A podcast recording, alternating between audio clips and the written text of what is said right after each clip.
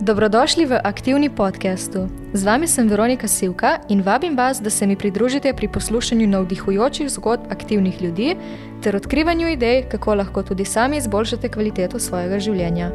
Gosti v naših epizodah delijo svoje izkušnje in lastno mnenje, kar pa ni nadomestilo za nasvete strokovnjakov. Danes je z nami Ana Zrimšek, strokovnjakinja na področju prehrane žensk v obdobjih zanositve, nosečnosti in po porodu. Posameznice v omenjenih obdobjih usmerja k boljšim prehranjevalnim navadam in jim pomaga pri reševanju težav, ki jih prinesejo posamezna obdobja. Ano, dobrodošla. Živijo, hvala. Um, ura je sicer ne več tako zgodnja, ma te bom vseeno vprašala, kako si danes pričela svoj dan. Uh, um, v bistvu čisto običajno, tako kot vsak drug dan, z zajtrkom, z dozo kave. Jaz sem ena od tistih, ki zvečer se vležemo v pojslo, pa sem tako, ko mi čakam zajtrk zjutraj. um, to je pa to, v bistvu jaz se pa kar hitro spravim k delu, ker sem bolj jutranji človek, malo bolj produktivna v tej prvi polovici dneva, tako da prav neke blazne jutranje rutine, ki bi zdaj navdušila poslušalce, nimam, no, tako da zajtrk kava, pa je pa kar to. to. Greš takoj v akcijo. Ja. um, ja, v bistvu nekako tvoje delo predstavlja svetovanje ženskam v različnih življenjskih obdobjih. Pa sem si danes nekako zamislila, da bi šle čez ta obdobja mm -hmm. in um, povedali, kaj je ta, takrat pomembno. Super. Uh, tako da um, za začetek bi te vprašala, mogoče v obdobju zanositve, kakšno vlogo pravzaprav igra prehrana? Ali lahko pripomore mogoče tudi k boljši plodnosti? Ja, um, prehrana v obdobju načrtovanja nosečnosti igra ogromno vlogo. Gre v bistvu za um, to, da in ženska, in moška spolna celica v telesu zorita tam približno tri mesece. In v tem obdobju, teh treh mesecev, se pravi, preden pride do sploh do oploditve, mi lahko, se pravi, s prehrano in drugimi komponentami življenjskega sloga zelo vplivamo na samo kvaliteto te celice in posledično tudi v bistvu na to, kako se bojo izrazili genije. Tako da, če dam čisto en tak um, preprost primer, ne, recimo, če kar sebe vzamem, če bi jaz čez dva meseca zanosila, v bistvu že to, kar sem jaz danes počela, kako se danes prehranjujem, koliko sem telesno aktivna, recimo, a konzumiram alkohol, kadim, vpliva v bistvu na zdravje pač mojega otroka v prihodnosti. Tako da vsekakor pač ja, prehrana ful pomembno vlogo igra um, v samem obdobju načrtovanja nosečnosti, plus to, da um, je to obdobje v bistvu zelo pomembno za ženske, da nekako v nosečnost vstopijo z zadostno um, količino oziroma zalogo vseh pomembnih hranil. Zato, ker pol enkrat v obdobju nosečnosti toliko narastejo potrebe, da če ženska že v obdobju no, um, nosečnosti vstopi z nekim pomankanjem. Je praktično misija nemogoče, da bo to pomankanje med nosečnostjo, ko so pač tako povečane potrebe, um, odpravljene. Tako da zelo, zelo pomembno vlogo, če skrajšam. Um, kako je pa pri moških? Je tudi pri njih uh, pomembna prehrana? Absolutno. Igra m, prehrana moškega pač popolnoma enako vlogo, vsak prispeva tistih 50%, a ne tako da.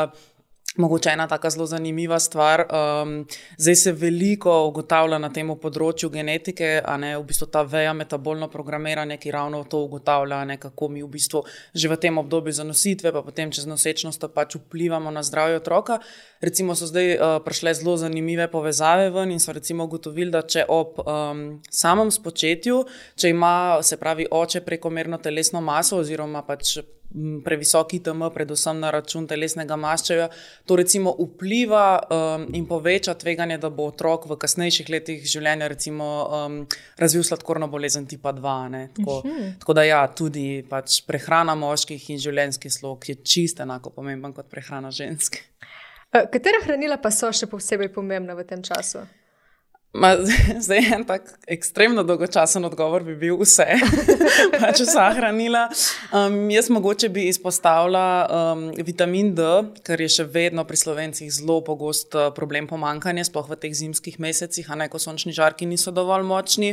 Potem recimo folna kislina, vitamin B12, ne se pravi na splošno vitamini skupine B so tudi zelo pomembni.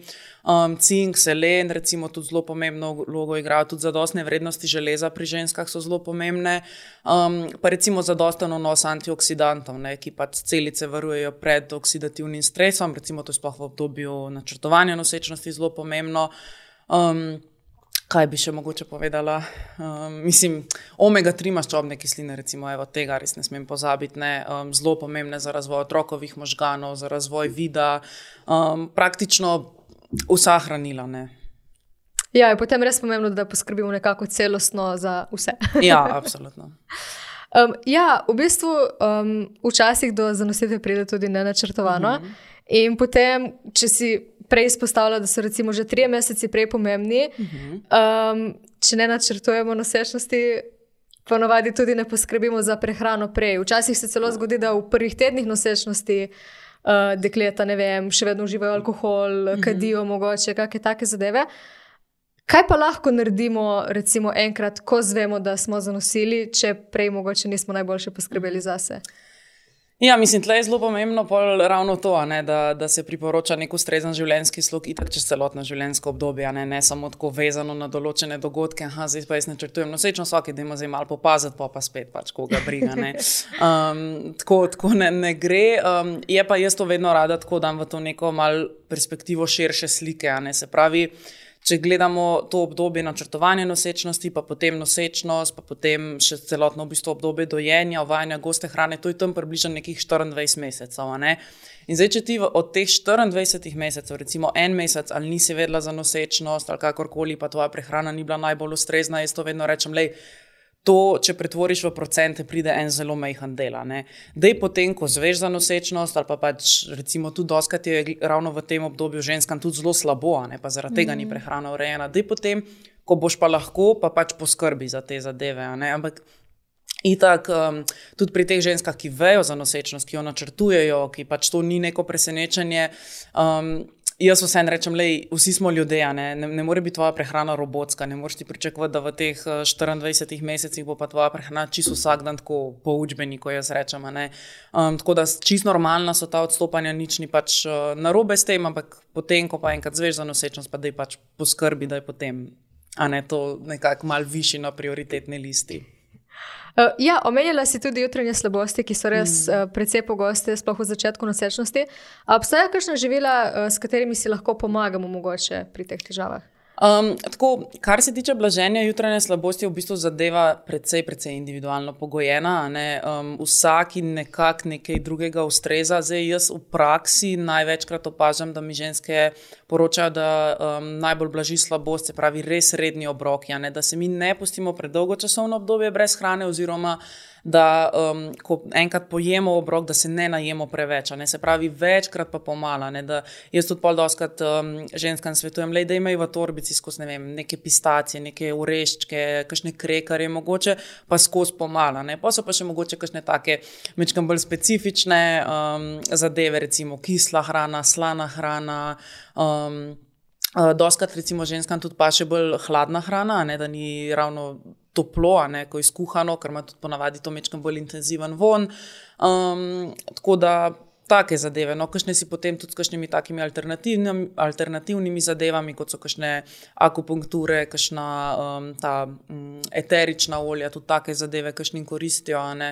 Um, tako da je, je fajn, mogoče, da se najde, okay, kaj zdaj meni ne ustreza, pa da se ta ženska temu izogne. Ne? Nekega zelo univerzalnega pravila pa žal ni. Ne? Uh, ja, se je pa verjetno res treba malček prilagoditi ja, vsaki posameznici. um, ja, uh, ko govorimo o prehrani v nosečnosti, že če pogledamo na spletu, je tako ogromno nekih živil, ki naj bi bila osvetovana, uh -huh. prepovedana. Ja. Um, in tako včasih človek že kar malo podvomi, a res vsega tega ne smem jesti. Um, katera pa so res tista živila, ki so odsvetovana v času nosečnosti?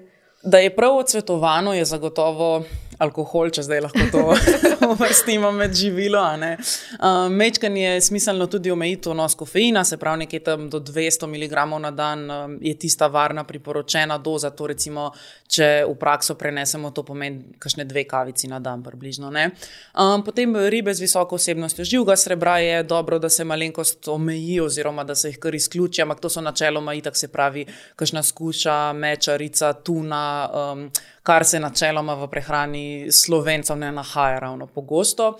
Um, potem so pa še živil, ta živila, ki imajo pa mečkam višjo stopno tveganja. Ne? To pa v bistvu pomeni, da na neki recimo letni ravni se je s tem živilom okužilo več žensk kot recimo pa z nekim drugim. Ne. To ne pomeni, da zdaj kar avtomatsko, če bomo mi pojedli recimo neko termično neobdelano živilo ali pa recimo ne vem, da imamo reči jajce na oko, ne, ko se ti sromenjak še tako lepo razlije.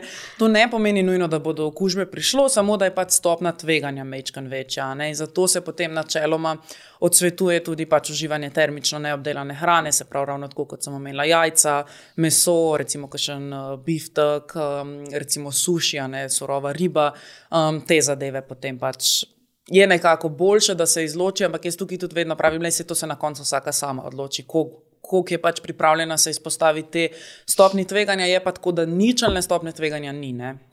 Ja, z vsakim živilom je. Absolutno. Ne. Ampak, tle, mogoče bi še to podarila, da imamo v Sloveniji res, res izjemno dobro regulirano varnost hrane, a ne zakoni glede tega so mm, zelo natančni, tudi pač v trgovinah se stalno izvaja nek nadzor. Tako da, da bi dejansko kupil neko stvar v trgovini in se okužil, je pač res, res, res redko. Plus to, da se um, vedno, ko mogoče pride do kakšne. Um, uh, Kakšne okužbe živilo, oziroma da je živilo kontaminirano, se pač vedno takoj obvesti, vse se omakne, pride do odpoklica. Tako da tle neko to kmečko pamet, ne vključiti, je včasih še najboljše. Kako je pa z domačimi živili, ker mogoče nadzor ni tako poostren? Ja, super vprašanje. Jaz pri domačih živilih bi malenkost več pozornosti temu namenila, oziroma mogoče v obdobju nosečnosti vseeno svetovala, da se pač zadeva umakne, a ne sploh kakšne te domače klobase, take zadeve. Recimo v primeru mleka je pač pomembno, da je pasterizirano, oziroma da se da zadeva pač dovolj dolgo prevreva, ne ker termična obdelava, recimo, pa zagotovi to varnost hrane. Se pravi, takoj, ko mi nekaj spravimo do neke m, temperature, pač s tem uničimo vse te potencijalne bakterije, parazite, ne, ki bi pač lahko povzročili okužbo. No, v času nosečnosti pa pogosto prihaja tudi do nosečniškega diabetesa. Uh -huh. uh, zakaj pa do tega sploh pride in kako si lahko nosečka v tem primeru pomaga? Uh mhm. -huh. Um, v bistvu zelo zanimivo je, pa verjetno bo to marsikatero presenetilo, da um, razvoj gestacijskega diabetesa je v nosečnosti pogojen z, z um, delovanjem hormonov.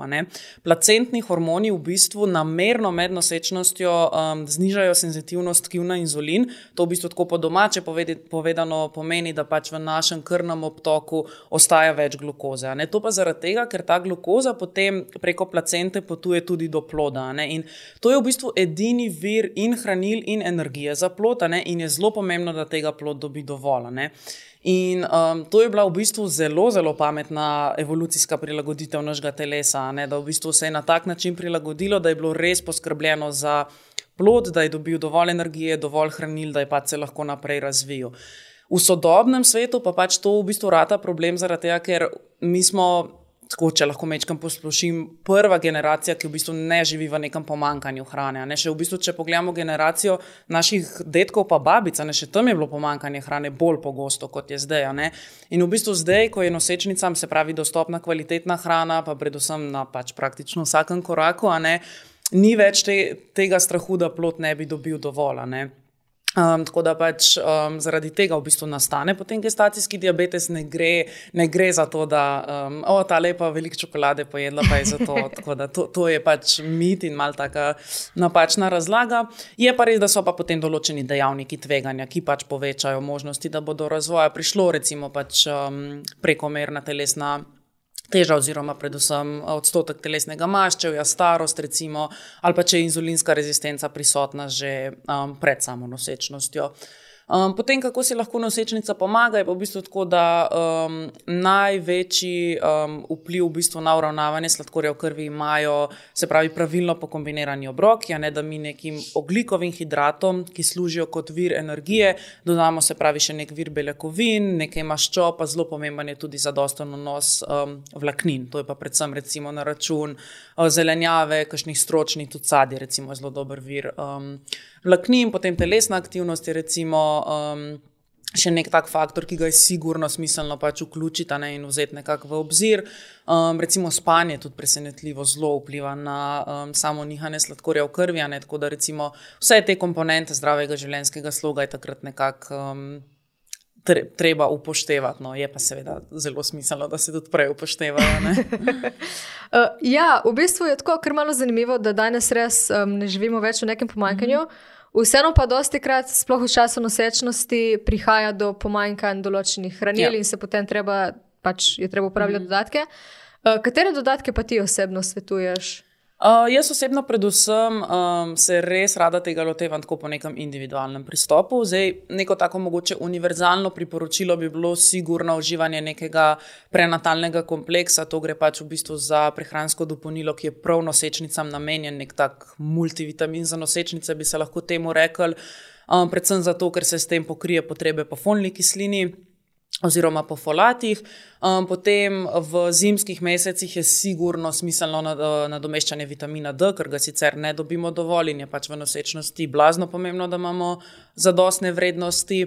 Zelo veliko krat potem v to neko kategorijo splošnega padejo tudi um, omega-3 maščobe, zaradi tega, ker je v bistvu za zadosten nos potrebno ribe uživati uživa tam nekje dvakrat do trikrat tedensko, kar pa v praksi opažam, da res, res, res redko um, pokrije ta vnos, tako da je potem to smiselno nadomeščati s prehranskimi dopolnili. Potem so pa še ostale zadeve, ki so pa mečkam bolj individualno pogojene recimo železo, ne, tak, če pač pride do pomankanja, se nadomešča, um, potem recimo magnezij, doskrat um, koristi nosečnicam v primeru kakšne nespečnosti, zaprtosti, um, mogoče kakšnih krčov, otrdevanje trebuha. Uh, se pravi, potem pa se pač naprej ureja to glede na težave. Eh, kako pogosto pa bi svetovali eni nosečnici, da recimo opravi neko analizo krvi in uh mhm. -huh. pogleda, če se štima? ja, um, jaz načeloma rada svetujem, da se to naredi, se pravi, pred samo zanositvijo, ne, to, kar smo se v bistvu čisto na začetku uh mhm. -huh. pogovarjali, da se takrat pogleda predvsem vrednosti vitamina D, feritina, železa, folne kisline, recimo B12. Um, potem v nadaljevanju nosečnosti pa nekje tam v tistem prehodu med drugo in tretje tri mesece je smiselno še enkrat pogledati uh, vrednosti, se pravi železa in feritina, predvsem zaradi tega, ker če so vrednosti feritina nizke, ne, to je pač zaloga železa v telesu, um, je precej um, možno, da bo po porodu prišlo do pomankanja. Ne, zaradi tega, ker porod je pa v bistvu dogodek, kjer se izgubi določena količina krvi, ne, zdaj je sam pač odvisno kakšen je ta porod, ali je prišlo do kakšnih komplikacij, ali je bil recimo carski rez, s carskim rezom. Uh, narejen porod, ne, in je potem večje tveganje, da bo prišlo do pomankanja železa, recimo pač v um, obdobju, se pravi, dojenja, ne, oziroma temu poporodnemu obdobju. Tako da, sigurno je takrat še enkrat smiselno pogledati, pa potem še enkrat nekje tam ob koncu dojenja bi jo svetovala, se pravi, tam nekje šest mesecev po um, porodu. Ne. Na kaj pa naj je nosečnica pozorna pri izbiri nekih ustreznih dodatkov za se? Um, jaz bi predvsem rekla, prvo, zelo, zelo pomembno je, da ima, ima to dopolnilo, se pravi, certifikate, ki zagotavljajo kakovost. To je zelo pomembno, zaradi tega, ker, uh, tako kot sem prej omenila, recimo, če je trg živil, ne kaj se nahaja v trgovinah, varnost teh živil je zelo dobro regulirano, um, trg prehranskih dopolnil je precej slabo reguliran in um, imamo mi praktično zelo, zelo slab pogled v to, pač, kaj se notri doga, uh, nahaja, ali so res te sestavine, ki so napisane, ali so res v takih količinah, ali recimo zadeva ni kontaminirana, sploh recimo, ko govorimo o dopolnilih. Um, živalskega izvora, ne recimo, kakšen kolagen je zelo, zelo, zelo pomembno, da um, ima dopolnilo pač vse te certifikate, ki nekako varnost potrjujejo. Um, potem zelo je pomembno, da pač. Um, Se pazi tudi na same količine. Sploh, če se kombinira kakšna dopolnila med sabo, da ne prihaja do preseškov. Ker um, tudi v tem primeru več je več, ne, ne ni, ni, ni vedno več, več, oziroma vse ima pač nekje neko svojo mejo varnosti. Se pravi, da se res drži teh priporočil, kok, pa predvsem pač potreb. Um, to bi še mogoče podarila, pa potem, da dopolnilo pač nima, se pravi, kakšnih snovi, ki za nosečnice niso priporočljivi, recimo, predvsem. Uh, sintetična oblika vitamina A, mogoče kakšni izvlečki, kakšnih rastlin, ki pač niso bili preverjeni na nosečnicah. Mm, tako da to mislim, da sem uspela zajeti. Najbolj pomembno, sigurno sem nekaj pozabila. ja, se je um, precej obširna tema. No, ja, drži, ja. um, kako je pa s prehrano in porodom? Ali lahko mogoče mhm. z ustrezno prehrano pripomoremo k lažjemu porodu? ja. um, tako je. Uh, porod v bistvu pač je v telesu reguliran strani recimo, hormonov, tudi zanimivo delovanje imunskega sistema se spremeni prav z namenom, da se sproži porod. Tako da bi bilo precej utopično trditi, da zdaj eno živilo pa kar. Um, porod sprožilo, a ne to recimo se jaz vedno nasmejim, kam mi kažna reče, ja, ampak veš, jaz sem res jedla datle, pa sem šla pa rodita, ne, in vprašam, a ja, v katerem tednu si pa bila, ja, v 40. Ja. Kdo bi si mislil? ja, si, a si zihar, da si šla sem zaradi datle rodita, ne. Uh, tako da, ja, um, so neke sicer študije, neke tako mal smernice, ki recimo potrjujejo to, recimo ravno datli, ki sem rekla, ne. Um, ampak tako je, treba je, te stvari je res ogromno študij, kvalitetnih, treba narediti, da bi mi to lahko trdila. Ne? Jaz le rečem, le sej, če ti to pomaga, pa konec koncev, tudi če je sam placebo, pa jej tiste datle. Sej konec koncev gre za zelo dober vir energije, ne datli imajo precej sladkorja, tako da za porod itak rabaš energijo, itak so taka živila konec koncev priporočljiva, ampak ne, da bi pa lahko rekli, da je to sprožil porod, um, pa ne, ne moramo trditi. Ja, jaz sem slišala za pekočo hrano. Da, Aha, tudi, ja, tudi. tudi. Uf, čeprav kar... pekoča hrana zna um, kar fajn pospešiti prebavo, sploh pri tistih, ki niso navajeni. Tako da jaz mogoče se s tem, tik pred tem, ko greš roditi, rajš ne bi igrala. Potem so dakli bolj varno izbira, če um, hočeš. Ja, če, če, že, če že, če se želi kera na to zanašati, potem mogoče bi res vse na datle rajš priporočala. Uh, no, kako je pa z obdobjem po porodu? Mm -hmm. Kakšno vlogo igra prehrana v času dojenja? Zelo, zelo pomembno. In iz vidika, se pravi, zadostne produkcije mleka, in iz vidika um, regeneracije, se pravi, telesa ženske, a ne po porodu, uh, po nosečnosti. Um, tako da je sigurno tudi to obdobje, v katerem je treba pač na prehrano dati velik poudarek. A bi mogoče izpostavila kakšna hranila, ali je tudi tukaj bolj pomembno, da nekako celostno skrbimo za vse? Mislim, če nekako gledamo potem v tej piramidi prioritet, je sigurno najbolj pomemben v tem obdobju za dosten energijski vnos, ne zato, ker zanimivo so potrebe še bolj povečane kot čist na koncu nosečnosti. In tudi recimo, ko ženske rečejo, jaz sem čisto slačna, kad dojim, pa čisto sem žena. Ja, itak, da si, ne, telo rabi, re, res rabi. In je ful pomembno, da se, da so redni obroki, da so energijsko dovolj bogati obroki, recimo da je dovolj dober vnos oglikovih hidratov, ne, niti slučajno ne v tem obdobju, kakšnih poskusov delati z izključevanjem oglikovih hidratov, po kakšni želji po izgubi telesne mase, um, res, res, res ni to ta pravi čas za to. Pa seveda potem glitko, beljakovine, maščobe, ne, vse skupine živili igrajo v bistvu pomembno vlogo takrat, da ne bi mogla sam enega dotičnega izpostaviti. Ja, se mi zdi, da dejansko ogromno žensk po porodu začne tako razmišljati o hujšanju, ja, ker si želijo ja. izgubiti odvečne kilograme in potem zmanjšajo kalorični vnos, uh mhm. -huh. v resnici pa bi ga mogli povečati. Tako, točno tako. Ja, kalorični vnos je treba med dojenjem še povečati. Ne. Do kakšnih posledic pa lahko pride, če recimo je ta kalorični vnos premajhen? Um, ja, predvsem se zmanjša produkcija mleka, pa pač posledično, a ne ponavadi, sploh če se te stvari lotimo tako malo um, laično, ne, ko znižamo energijski vnos, se veliko krat znižamo tudi vnos pomembnih hranil. Ker itak manj hrane, manj možnosti, da ja. boš pač vnesel pomembna hranila, kar pa potem lahko vpliva in na pač produkcijo mleka, se pravi, koliko tega mleka je, kako hitro se tvori, in na količino mleka. Ne, zato ker nekatera hranila se v mleku nahajajo samo, če jih mama pač unese s prehrano ne? in se sicer ne morejo otvoriti in se ne morejo nahajati v mleku tista hranila, ki pa recimo v mleku se v vsakem primeru nahajajo, recimo kalci. Um, je eden od takih, je pa v bistvu zadeva takšna, da če ga mama ne poje dovolj s prehrano, ne, recimo z vnosom nekih mlečnih izdelkov, recimo, ki so dober vir kalcija, um, potem v bistvu to telo črpa iz njenih kosti. Kar je pa spet negativna posledica v bistvu za mamo na dolgi rok, ker je pa to recimo povečano tveganje za razvoj osteoporoze. Tako da čisi iz tega vidika je, je zelo pomembno, da, pač, da je v bistvu nabor živil velik in pač zastopan v dovolj veliki količini. Tudi, Uh, ja, nekateri pa dejansko pojejo dovolj, pa vseeno imajo težave z uh, mlekom oziroma s pomanjkanjem uh mhm, -huh, mleka. Mhm. -huh. Kako pa si lahko tašne ženske pomagajo?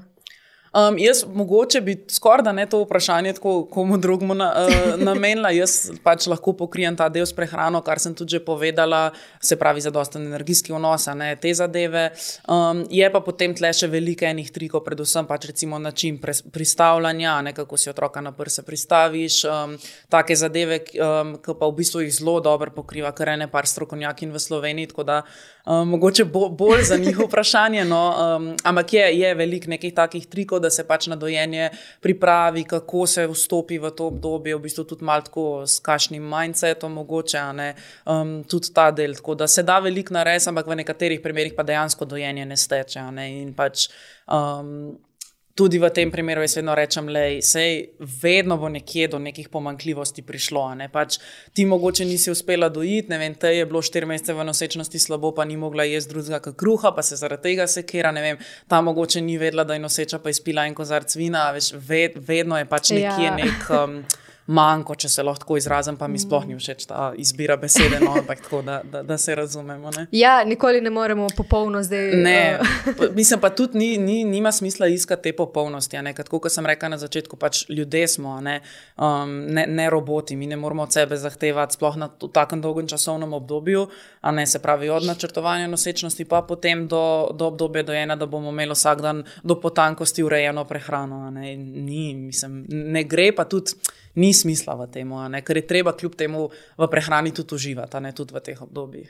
Ja, pa tudi verjetno, če se obremenjujemo konstantno s tem, da res 24 mesecev jemo mm -hmm. popolno, 100% vse ok, je potem verjetno tudi nek stres oziroma ja, neke ja. druge zadeve, ki potem spet lahko mhm, škodijo. Naj, najverjetneje še slabše, kot bi, bi sicer bilo. Ne? Ja, um, dejansko vsa tri omenjena obdobja imajo kar veliko vpliv tudi na neko duševno zdravje, na neko mm -hmm. mentalno stanje. Ampak misliš, da se tudi s prehrano da to nekako um, omiliti, izboljšati? Um, Jaz le se zelo, zelo rada razmejim ta področja, tako da definitivno je to pač nekaj, kar se ureja, se pravi, strokovnjaki iz področja pač psihoterapije, psihologije, kakorkoli. Um, je pa seveda pač nek v bistvu splošna skrb za zdravje, ne ravno to, kar smo prej govorili, redni obroki, hranilno bogati obroki, da ne pride do pomankanja hranil. Pač vpliva na splošno zdravje. Ne? Tako da, ja, seveda, posledično vpliva pač tudi na, na mentalno zdravje, ampak zdaj, da bi neke take zadeve, kot je recimo nekakšna poporodna depresija, da bi to rešvali s prehrano. To pa yeah. Ja. ne, ne, niti slučajno. To je pač treba strokovnjake, ki so usposobljeni za to, pač tam poiskati pomoč. Ne? No, za konec pa bi te vprašala, kaj bi svetovala ženskam, ki želijo v obdobju nosečnosti čim bolje poskrbeti zase? Uf, koliko časa imamo? Um, ne, mislim, joj, bom, pro, bom provala čim bolj tako staren, pa en tak pameten odgovor. Um, ja, mogoče bi to rekla, da vseeno skrb zase, oziroma ustrezno prehrano, ni tako komplicirana, kot jo ljudje radi zakomplicirajo. Ne? Z nekimi čistmejhnimi spremembami um, se da zelo veliko narediti. Ne? Tudi tako gledati prehrano kot neko celostno zadevo, ne se obremenjevati z nekimi malenkostmi, ki so največkrat potem čist pač nepotrebne, ampak tako da je lahko zadeva tudi čist preprosta. Ne? Tudi recimo preprosti obroki, um, cenovno ugodni obroki, živi, izbira živila. Ne? To se vse da zelo lepo ukomponirati. Ni, ni potrebno za neko ustrezno prehrano, pa zdaj zapraviti pol plače, pa preživeti v kuhinji deset ur na dan. Ne? Da, um, ne, ne si preveč komplicirati življenja, no to bi bil mogoče moj nasvet, ampak po mojem zvečer, ko se bomo legli v poslo, se bom spomnila stokrat boljšega odgovora. ne, ne, ti si ta prvi najboljši. A ja, no, tako okay. da bolj razmišljaš slabše. ja, ja, no, dobro, ok, ti zaupam, imaš več izkušenj. Um, to mogoče. Super, um, no, če se spomniš še kakšnega, mi ga lahko pošleš naknadno, pa ga bom dodala. okay, um, Ana, hvala za sodelovanje ja, in vse dobro tudi v bodoče. ja, super, hvala tudi vam.